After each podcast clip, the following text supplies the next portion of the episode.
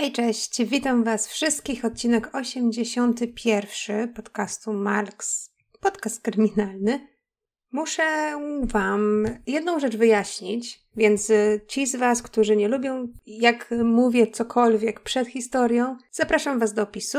Tam jest dokładnie pokazany czas, którym zaczyna się ta prawdziwa historia dzisiejszego podcastu, a historia jest naprawdę zagmatwana z twistem, ale słuchajcie, ci z Was, którzy wysłuchali odcinka wcześniejszego, był to odcinek numer 80, opowiadałam Wam o morderstwie ośmioletniej Marie Clifton. I w trakcie opowiadania nie chcę spoilerować dla tych z Was, którzy jeszcze tego odcinka nie wysłuchali, bo tam też jest lekki twist, ale muszę powiedzieć, że chyba się nie zrozumieliśmy, tak mi się wydaje. Ja wiem, że tam powiedziałam o tej matce, że zastanawiające dla mnie było to, że ona tak szybciutko raptem pobiegła na policję. E, nie wiem, czuję się w obowiązku Wam troszeczkę może wyjaśnić, o co mi chodziło, albo o co mi nie chodziło, bo część z Was, wnioskując po komentarzach, stwierdziło, że ja na miejscu tej matki jakby chciałabym bronić dziecka, które popełniło morderstwo, nie wiem, zataić ten fakt, czy cokolwiek. Nie o to mi chodziło. Chodziło mi o to, że, no nie wiem, no matka była w szoku. Większość z Was zgodziła się, że zrobiła dobrze. Ja też się zgadzam, że zrobiła dobrze, że faktycznie powiedziała tą straszną rzecz policji. Tylko wydaje mi się, że, no nie wiem, jakbym ja miała syna w wieku 14 lat, no to, to, to, ciężko tak mi stwierdzić, e, czy bym faktycznie pierwsze co, sekundę po tym, co zobaczyłam, poszłabym na policję. Pewnie tak, chociaż może by mi przez myśli przeszło, żeby przynajmniej najpierw, no nie wiem, porozmawiać z synem albo wziąć syna i dopiero, no nie wiem. Może by mi faktycznie poszła na policję. Dzięki Wam za te komentarze. Tyle chciałam powiedzieć. Fajnie, że weszliśmy w jakąś tam polemikę, bo o to właśnie mi chodzi. Dlatego też kiedyś tam miałam jakiś komentarz, że dlaczego, coś tam, dlaczego komentuję to, co ja bym zrobiła, coś, coś takiego. Um, właśnie o to mi chodzi, bo wydaje mi się, że jeżeli chcemy, czy wy, jeżeli wy chcecie usłyszeć historię od początku do końca, złożoną z faktów, złożoną z tego, co się faktycznie wydarzyło, to są filmy dokumentalne, można to zrobić. Ja, nagrywając ten podcast, mam Was na uwadze i ja sobie tak myślę, że podcast y, stworzony został po to, aby łączyć ludzi, aby z jednej strony dawać Wam kontent, który możecie sobie posłuchać przy, nie wiem, joggingu, przy zmywaniu naczyń, siedząc na kanapie, ale ja traktuję Was jako moich znajomych. Ja traktuję te wszystkie nasze teraz e, niedzielne spotkania jako spotkania w gronie takich ludzi, których e, wirtualnie oczywiście, tutaj w cudzysłowie, znam. Ludzi, którym opowiadam to, co chcę opowiedzieć. Jeżeli ja nawet w swoim życiu prywatnym opowiadam jakąś historię, to nigdy nie robię takich faktów. Hej, wydarzyło się to, potem to, potem to, skończyło się na tym. Jak coś komuś opowiadam, to z reguły czasami włączam jakieś swoje opinie, swoje przekonania. Zatem też tak samo traktuję Was. I to mi się podoba, że no może, no może nawet nie bardzo popularna moja opinia stała się takim zaczątkiem do tego, żebyście wy otworzyli się i wyście, żebyście wy pokazali swoje opinie. Ja je bardzo chętnie czytam z zaciekawieniem i dziękuję Wam za każdy komentarz. Zatem tymi słowy możemy przejść do dzisiejszej historii. Historii, która hmm, oparta jest na relacjach międzyludzkich i która kończy się niestety, ale znalezieniem trzech ciał. Początkowo myślano, że to rodzina, która mieszka na posesji. Jednakże krótko po tym, jak te ciała zostały znalezione, stwierdzono, że to nie są te trzy osoby, które mieszkają tutaj w domu, a właściwie nie wszystkie.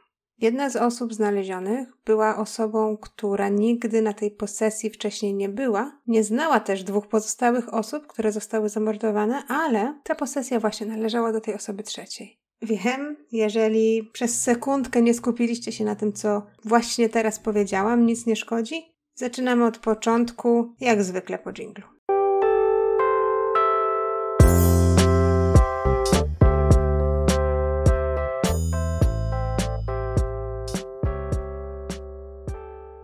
Naszą historię zaczniemy dzisiaj od 48-letniej Nadii Medley. Nadia była wdową, jej mąż zmarł w roku 2014 i samotnie wychowywała swoją 14-letnią córkę Peyton. Żeby związać koniec z końcem, Nadia pracowała jako masażystka w mieście Ogden w stanie Utah w Stanach Zjednoczonych.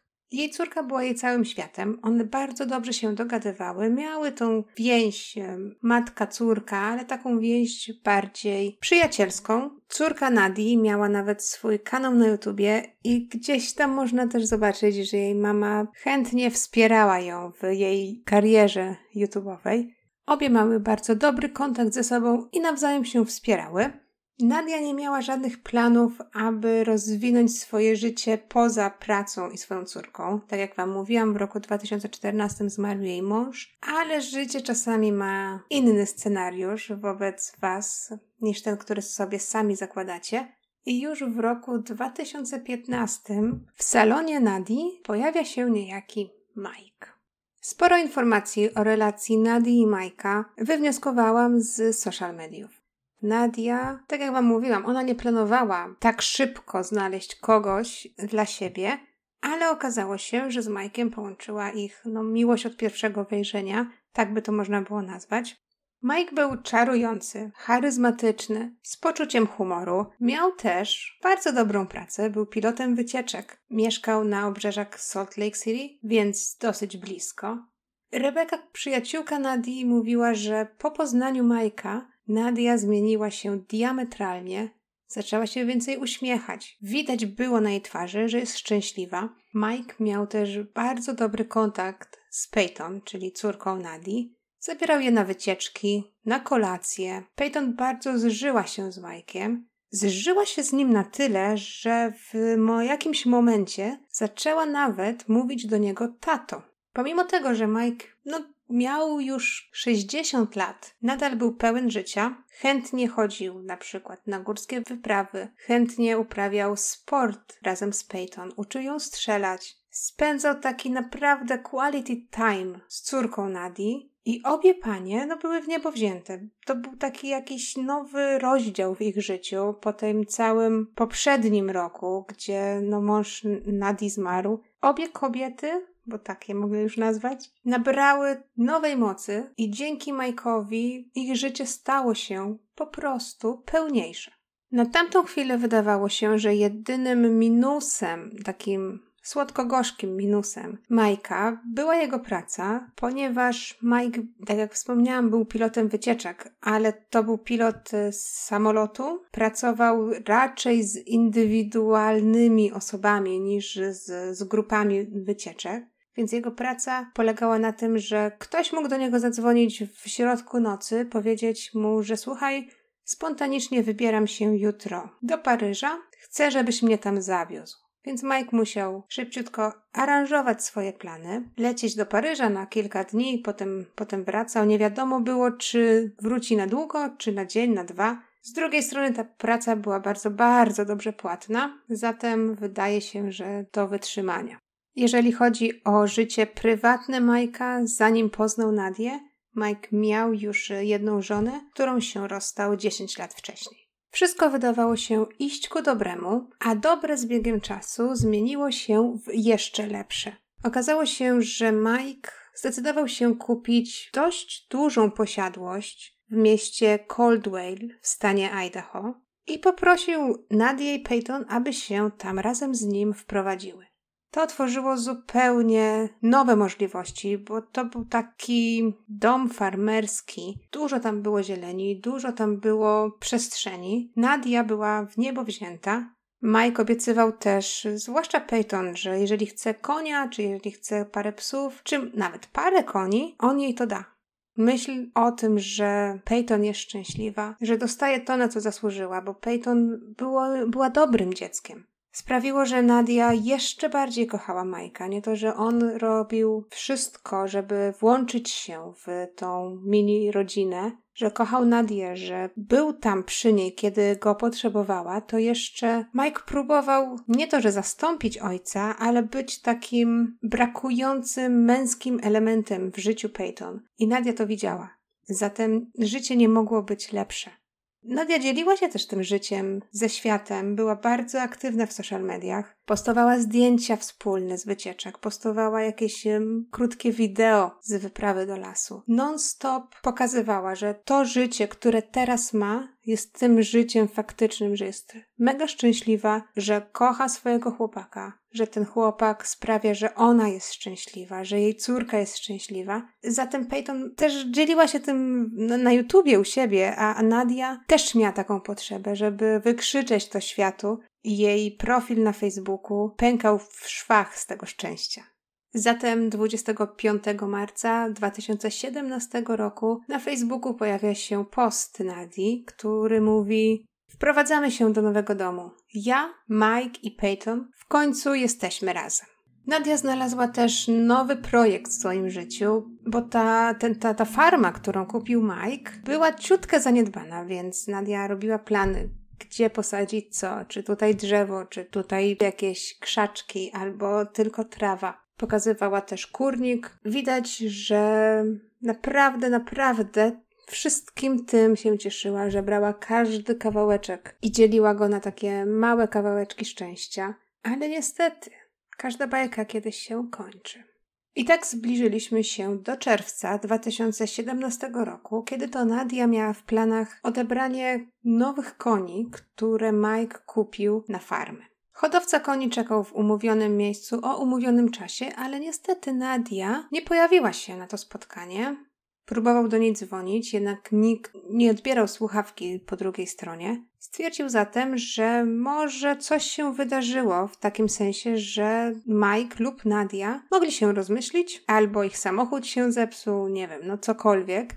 Ale okazuje się, że od 6 czerwca ani rodzina Nadii, ani jej przyjaciele też nie słyszeli nic, żadnego, nie, nie było żadnej wiadomości, żadnego telefonu. Nadia była taką osobą dosyć otwartą na ludzi, lubiła przebywać z ludźmi, często dzwoniła do swoich najbliższych znajomych, a tu nagle ani śladu, ani widu, ani słychu. To samo było z Peyton, która nadal właściwie chodziła do szkoły, tak? Nie pojawiała się w szkole, nie odpisywała na wiadomości, a obie panie, zarówno Peyton jak i Nadia, były uzależnione od swoich telefonów, więc taka cisza w eterze była czymś bardzo, bardzo wykraczającym poza normalne zachowanie obu pań. Mało tego, Mike również nie odbierał żadnych telefonów. Zatem po paru dniach zaczęto się mocno zastanawiać, że może coś złego wydarzyło się rodzinie i znajomi zadzwonili na policję z prośbą, aby ta poszła tam do ich nowego domu na farmie, żeby zobaczyła, czy wszystko jest dobrze. Zatem 9 czerwca 2017 roku policja zjawia się na farmie Nadi i Majka. Pierwszą rzeczą, którą zauważyli policjanci, był, no niestety, ale bardzo silny zapach, który przypominał zapach rozkładających się zwłok. Policja szybko podbiegła do domu, tam nie było nikogo, ale zapach zaprowadził ich do komórki przynależącej do domu. No i niestety, po otwarciu drzwi, te pierwsze podejrzenia policjantów okazały się właściwe. W komórce leżały trzy już dosyć dobrze, jeżeli mogę tak powiedzieć, rozkładające się zwłoki ludzkie. Policja dostała zgłoszenie o zaginięciu trzech osób: Nadi, Peyton i Majka. No a tutaj znalazła trzy rozkładające się ciała, więc trzy tu, trzy tam, to by się zgadzało. Jednakże jedno z ciał znalezionych w komórce nie należało do poszukiwanych osób. Szybko zidentyfikowano, że Nadia jest niestety ale jedną z zabitych osób. Obok Nadii leżało ciało jej córki Peyton, ale trzecie zwłoki nie należały do Majka. Mało tego, to nie był nawet mężczyzna, ale kobieta, której nikt nie mógł zidentyfikować. Policja szybko pobrała próbki i po analizie uzębienia okazało się, że trzecie zwłoki należą do kobiety o nazwisku Cheryl Baker. Zostało potwierdzone, że Cheryl nie miała żadnych relacji z Nadią lub Peyton, podczas gdy wszystkie trzy żyły. Kobiety nie znały siebie nawzajem, więc pytanie podstawowe brzmi: dlaczego Cheryl Baker została znaleziona martwa w domu Nadii i Peyton? Zaczęło się dochodzenie i policjanci szybko zlokalizowali to, kim była Cheryl Baker. Okazuje się, że Cheryl była 56-letnią emerytowaną nauczycielką. Kiedy mówię emerytowaną, mam na myśli, że Cheryl jakiś tydzień czy dwa tygodnie wcześniej, zanim została zamordowana, celebrowała swój ostatni dzień w pracy w szkole. Cheryl pracowała jako nauczycielka w szkole specjalnej dla dzieci, które nie słyszały i nie widziały. Była bardzo utalentowaną osobą, lubiła prace plastyczne, była kreatywna i widać miała pomysł na siebie na emeryturze. Mało tego, Władze szybko dowiedziały się o jednej bardzo szokującej rzeczy. Mianowicie Cheryl okazało się, że była żoną Majka, a para była małżeństwem od roku 2010, czyli 7 lat. Żeby dołożyć jeszcze jedną cegiełkę do tego obrazka, okazało się, że to Cheryl była właścicielką rancha, które kupił Mike. Policja zaczęła zatem dokładniej przyglądać się w sprawie. Okazało się, że Cheryl była szczęśliwą żoną Majka, ale znała go pod innym imieniem. Widzicie, okazuje się, że Cheryl nie była żoną Majka, ale była żoną Gerarda Michaela Ballingera. Zatem w momencie, kiedy nasza historia się toczy, odkrywamy nowe puzzle w tej układance. Pozwólcie, że od tego momentu nie będę o Majku zwracała się jako Mike, tylko jako Gerard, bo to było faktycznie jego imię i nazwisko. Jeżeli ktoś z Was jest w tym momencie lekko skonfudowany, to ma do tego prawo.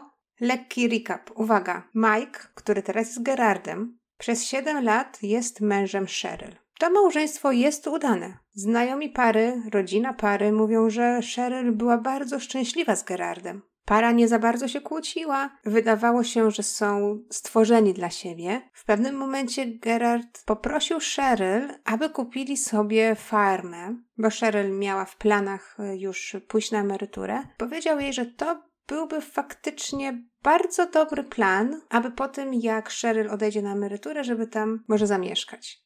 Cheryl, która była taką duszą artystyczną, spodobał się ten pomysł od samego początku i będąc z mężem, małżeństwem już przez 7 lat, znając się może troszeczkę dłużej, nie miała żadnych podejrzeń, zatem stwierdziła, że dlaczego by nie kupić tej farmy, y, którą proponuje Gerard. I mając w planach później przekształcić jakiś pokój tam na tej farmie w artystyczną pracownię i sprzedać dom, w którym właśnie teraz mieszkali, przeprowadzić się tam i w ciszy i spokoju wieść takie sielskie życie, Cheryl długo się nie zastanawiała i wyłożyła pieniądze na farmę. Para miała umowę między sobą, że do tej pory, kiedy Cheryl jeszcze pracuje w szkole, Mike będzie na farmie, będzie mieszkał w przyczepie. Chciał ją przygotować dla żony, aby ta będąc już na emeryturze, mogła pomału wprowadzić się do urządzonego mieszkania i w miarę przygotowanym gruntem do tego, aby odpoczywać, do tego, aby mieć konie, zajmować się psami, może robić jakieś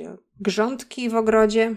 Ale oczywiście Gerard od czasu do czasu wracał do domu, odwiedzał żonę, mówił jej o postępach, mówił jej, jak będzie cudownie, malował jej kolorowy obrazek w głowie. A Cheryl była bardzo podekscytowana zaczęciem tego nowego etapu w życiu. I tutaj dochodzimy do momentu, w którym Cheryl stwierdza, że właściwie już jest na emeryturze, nie do końca ma co robić w tym pustym domu, może zatem pojechać na farmę, zrobić niespodziankę mężowi, bo przecież on tam ciężko pracuje, mieszka w przyczepie i buduje dla nich kolejny etap życia. Zatem 8 czerwca 2017 roku Cheryl wsiadła w samochód, powiedziała swoim sąsiadom, gdzie jedzie, poprosiła ich, aby doglądali jej domu i zaczęła podróż, aby zrobić mężowi niespodziankę. Wyobraźcie sobie zdziwienie, kiedy podjeżdża na miejsce i zamiast przyczepy kempingowej i bardzo zaniedbanego ogrodu widzi dom. Przed domem krzesła, patio, widzi samochód na podjeździe, widzi też, że na posesji są konie, jakieś kurki, króliki, parę psów. Cheryl na początku zaczęła się upewniać, czy to faktycznie jest ta ziemia, którą e, niedawno kupili. Okazało się, że tak. Zatem kobieta chce się dowiedzieć, co się dzieje i postanawia podejść do domu i zapukać do drzwi tym momencie to jest ta sytuacja, której podwójne życie Gerarda, Majka dopada go i doprowadza do serii zdarzeń, których koniec później policja odkrywa w komórce przy domu. Nie jest jasne, co wydarzyło się w momencie, w którym Cheryl zapukała do drzwi domu i otworzyła je Nadia. Tego nie wiemy, nie dowiemy się nigdy, bo posiadłość była zlokalizowana raczej na przedmieściach i oddalona od wszystkich i wszystkiego. Wiemy natomiast, tego chyba wam jeszcze nie powiedziałam, że ciała trzech kobiet zostały znalezione w komórce z postrzałem głowy. Zatem narzędziem użytym do zabójstwa była broń niespecjalistyczna, ale taka broń przeznaczona do użytku osobistego, jak to wiecie, w Stanach Zjednoczonych pewnie posiada co drugi Amerykanin. Jeżeli myślicie, że w tym momencie ta historia dobiega końca, albo że teraz Wam powiem o tym, że albo czy znaleziono Gerarda i co się z nim wydarzyło, to jesteście w błędzie, ponieważ mam tutaj dla Was jeszcze parę informacji. Podejrzewam, że nie domyślacie się, ale już Wam powiem. Okazuje się, że Gerard jeszcze wcześniej, przed Cheryl, był żonaty. Była to Jackie Garcia, którą spotkał w latach 70. I zaraz krótko po ukończeniu edukacji, to był uniwersytet, para pobrała się, byli ze sobą ponad 10 lat, y, ale niestety ten związek nie był związkiem udanym, bo Jackie kilkukrotnie raportowała, że Gerard jest wobec niej agresywny, że nawet ją bije. Dlaczego kobieta próbowała tak długo z nim być? Bo on miała gdzieś tam nadzieję, że, że ta relacja będzie lepsza, próbowała wszystkiego, próbowała rozmawiać z psychologami, próbowała rozmawiać z, ze swoim kościołem, bo tam też chciała y, poszukiwać wsparcia. Ale okazuje się, że mało kto jej wierzył, ponieważ Gerald był takim człowiekiem, który roztaczał wokół siebie aurę tak przesympatycznego człowieka, takiego mężczyzny z sercem na dłoni, który da wszystko od siebie, aby ludzie wokół niego byli szczęśliwi, Zatem część znajomych pierwszej żony Gerarda myślało, że, że ona po prostu albo zmyśla, albo to z nią jest coś nie tak. Zatem para rozstała się e, w roku 1988, ale okazuje się, że Gerard krótko po rozwodzie ożenił się ponownie. Nie ma dużo informacji o drugim małżeństwie Gerarda, jednak gdzieś tam są spekulacje, że w momencie, kiedy Gerard był jeszcze żonaty ze swoją drugą żoną, był już w związku z Cheryl. I tutaj wszyscy pytani wokół w ogóle, co się wydarzyło, dlaczego Cheryl, będąc taką niewinną z natury osobą, dlaczego to ona rozbiła małżeństwo?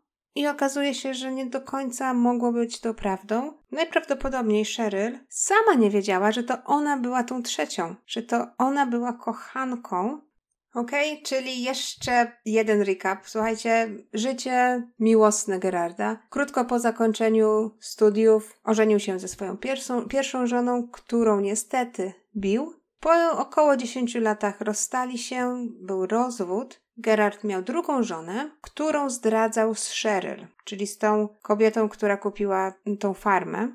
Z Cheryl był jakiś czas, oczywiście wcześniej rozstał się z tą drugą żoną, bo ożenił się z Cheryl, która okazała się być jego trzecią żoną. Z Cheryl był przez 7 lat, ale po około 5-6 latach małżeństwa odnalazł Nadię i jej córkę Peyton. Mam nadzieję, że tutaj za mną nadążacie. Przez ostatnie dwa lata Gerard żył podwójnym życiem. Miał żonę oraz kochankę, ale obie te kobiety traktował jako część rodziny. Przy Nadii był Majkiem, gdzie poznali się w gabinecie masażu, a przy Cheryl był Gerardem, rozwodnikiem po przejściach. Dużo osób tutaj zastanawia się, jak Gerard to zrobił, ponieważ obie kobiety mieszkały tylko 15 kilometrów od siebie. Nadia była bardzo aktywna w social mediach. Mogło w pewnym momencie okazać się, że obie kobiety mają gdzieś tam jakichś wspólnych znajomych, a ten znajomy mógł zidentyfikować Majka jako Gerarda, to wszystko mogło się wydać. To był taki domek z kart. Ale mimo tego Gerard był tak sprytnym człowiekiem, że przez dwa lata nikt niczego się nie domyślał. Nie domyślali się też najbliżsi, bo brat Scherer w jednym z wywiadów powiedział, że nadal tego nie rozumiem. Gerard miał dziewczynę na boku, a był żonaty. takich momentach po prostu wybierz jedną, a drugiej powiedz, że to wszystko jest skończone. Dla tych osób, które zastanawiają się, dlaczego Gerard chciał tak długo prowadzić podwójne życie, policja ma sugestię, że być może Gerard czekał na to, aż Cheryl sprzeda ten dom, w którym mieszkali, bo pamiętacie, że, że plan był taki, że Gerard kupi posiadłość, tą farmę, potem sprzedadzą dom, w którym mieszkali i wyprowadzą się na farmę, więc y, sugestia tutaj jest taka, że Gerard być może chciał razem ze swoją żoną Cheryl sprzedać dom, wziąć pieniądze i, i wtedy się rozwieść i wieść życie z Nadią i Peyton. Tego na ten moment nie wiemy, ponieważ Gerard jest teraz uznawany za zbiega. Śledczy szukają go po całym kraju. Jest raport, że w momencie, w dzień, dzień po tym, jak popełnił zbrodnię, Został widziany w pobliskiej śniadaniowni, gdzie poszedł po prostu zjeść e, śniadanie. Zjadł je w spokoju, kontemplując, nie spieszył się nigdzie, jakby nic nadzwyczajnego nie wydarzyło się poprzedniego dnia. Muszę Wam tutaj powiedzieć, że Gerard jest jedynym podejrzanym w sprawie, jednakże nie ma żadnych dowodów na to, że to on zabił. To są na tę chwilę tylko podejrzenia policji. Najprawdopodobniej słuszne podejrzenia, ponieważ narzędziem zbrodni był pistolet, Gerard posiadał pistolet. Gerard miał też motyw do zabójstwa, no i przede wszystkim jest zbiegiem. Nigdzie go w tym momencie nie ma. Ale tylko Wam tutaj tak zaznaczam, że żadne takie faktyczne, fizyczne ślady, na przykład y, krew Gerarda albo broń Gerarda, nie zostały znalezione na miejscu zbrodni. Ostatnia wskazówka dotycząca miejsca pobytu Gerarda jest z 12 lipca 2017 roku. Wtedy policja odnalazła porzucony samochód Gerarda przy wjeździe do gęstego lasu w Wyoming. Władze natychmiast zaczęły przeszukiwania lasu. Użyto psów policyjnych, helikopterów, technologii podczerwieni. Przeszukiwano jakichkolwiek śladów, aby znaleźć Gerarda żywego lub martwego, ponieważ y, są też takie spekulacje. Z racji tego, że las jest bardzo niebezpieczny i pełen dzikich zwierząt, to Gerard mógł paść ofiarą jakiegoś dzikiego łowcy. Las, w którym szukano Gerarda, ma ponad 3,5 y, miliona akrów ziemi, na tym obszarze występuje wiele wilków, kojotów, niedźwiedzi. Zatem śledczy biorą pod uwagę fakt, że Gerard na tę chwilę może już nie żyć. Pomimo naprawdę szeroko zakrojonych poszukiwań lasu, niczego nie znaleziono i tutaj trop się skończył. Istnieją dwie możliwości, właściwie trzy. Pierwsza z tych możliwości jest y, fakt, że Gerard po prostu gdzieś uciekł. Nie wiadomo, czy jest w Stanach, czy może uciekł gdzieś za granicę. Tego na tę chwilę nie wiadomo, bo jeszcze go nie odnaleziono. Dwie następne teorie bazują na tym, że Gerard najprawdopodobniej już nie żyje. To był mężczyzna, albo nadal jest, mężczyzna już 60-letni z nadwagą. Zatem jego sprawność fizyczna nie jest już na najwyższym poziomie. Jedna z teorii tutaj mówi, że tak jak Wam e, już mówiłam, Gerard mógł paść ofiarą zwierzyny w tym lesie i po prostu zostać, nie wiem, zabity, rozszarpany na kawałki, jakkolwiek. Druga teoria jest taka, że Gerard mógł popełnić samobójstwo, ponieważ był takim człowiekiem, wierzcie lub nie, ale z czystym sercem, można byłoby powiedzieć. I w momencie, kiedy odkrył, że obie kobiety zapoznały się, że tak powiem, Spanikował. W chwili stresu może sięgnął po broń, bo to była jedyna rzecz, która wtedy wydawała mu się być sensowna. A później, parę dni po zabójstwie, przemyślał to, co zrobił i zdecydował sam popełnić samobójstwo, ponieważ nie mógł żyć ze świadomością, że oto właśnie zabił dwie kobiety, które kochał, no i swoją przyszywaną córkę, tak mogę powiedzieć. Co ja na ten temat sądzę? Myślę, że Gerard był, jest na tyle sprytnym człowiekiem i na tyle umie wykreować swoją rzeczywistość i przekonać ludzi wokół siebie do tej wykreowanej rzeczywistości, że najprawdopodobniej być może, być może, że po pierwsze nadal żyje. Myślę, że uciekł gdzieś za granicę, może zmienił lekko wygląd, nie wiem, kolor włosów, nosi szkła kontaktowe, może trochę schudł, Czasami takie małe rzeczy zmieniają wygląd człowieka na tyle, że dla osób postronnych nie jest już osobą rozpoznawalną z tego zdjęcia, które widzieli w telewizji czy internecie. Myślę, że Gerard był za bardzo inteligentną osobą, aby sam wejść do lasu pełnego zwierzyny. On był z tamtej okolicy, więc wiedział, co w tym lesie się kryje.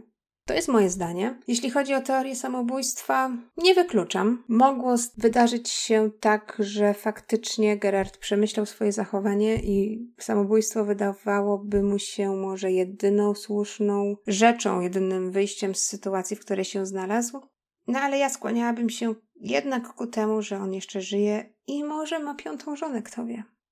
Dajcie znać, dajcie znać, co myślicie, przy której teorii się skłaniacie. To jest w tym momencie koniec tej historii. Dziękuję Wam za wysłuchanie do końca. My słyszymy się w kolejnym odcinku. Buziaczki, kochani, pa!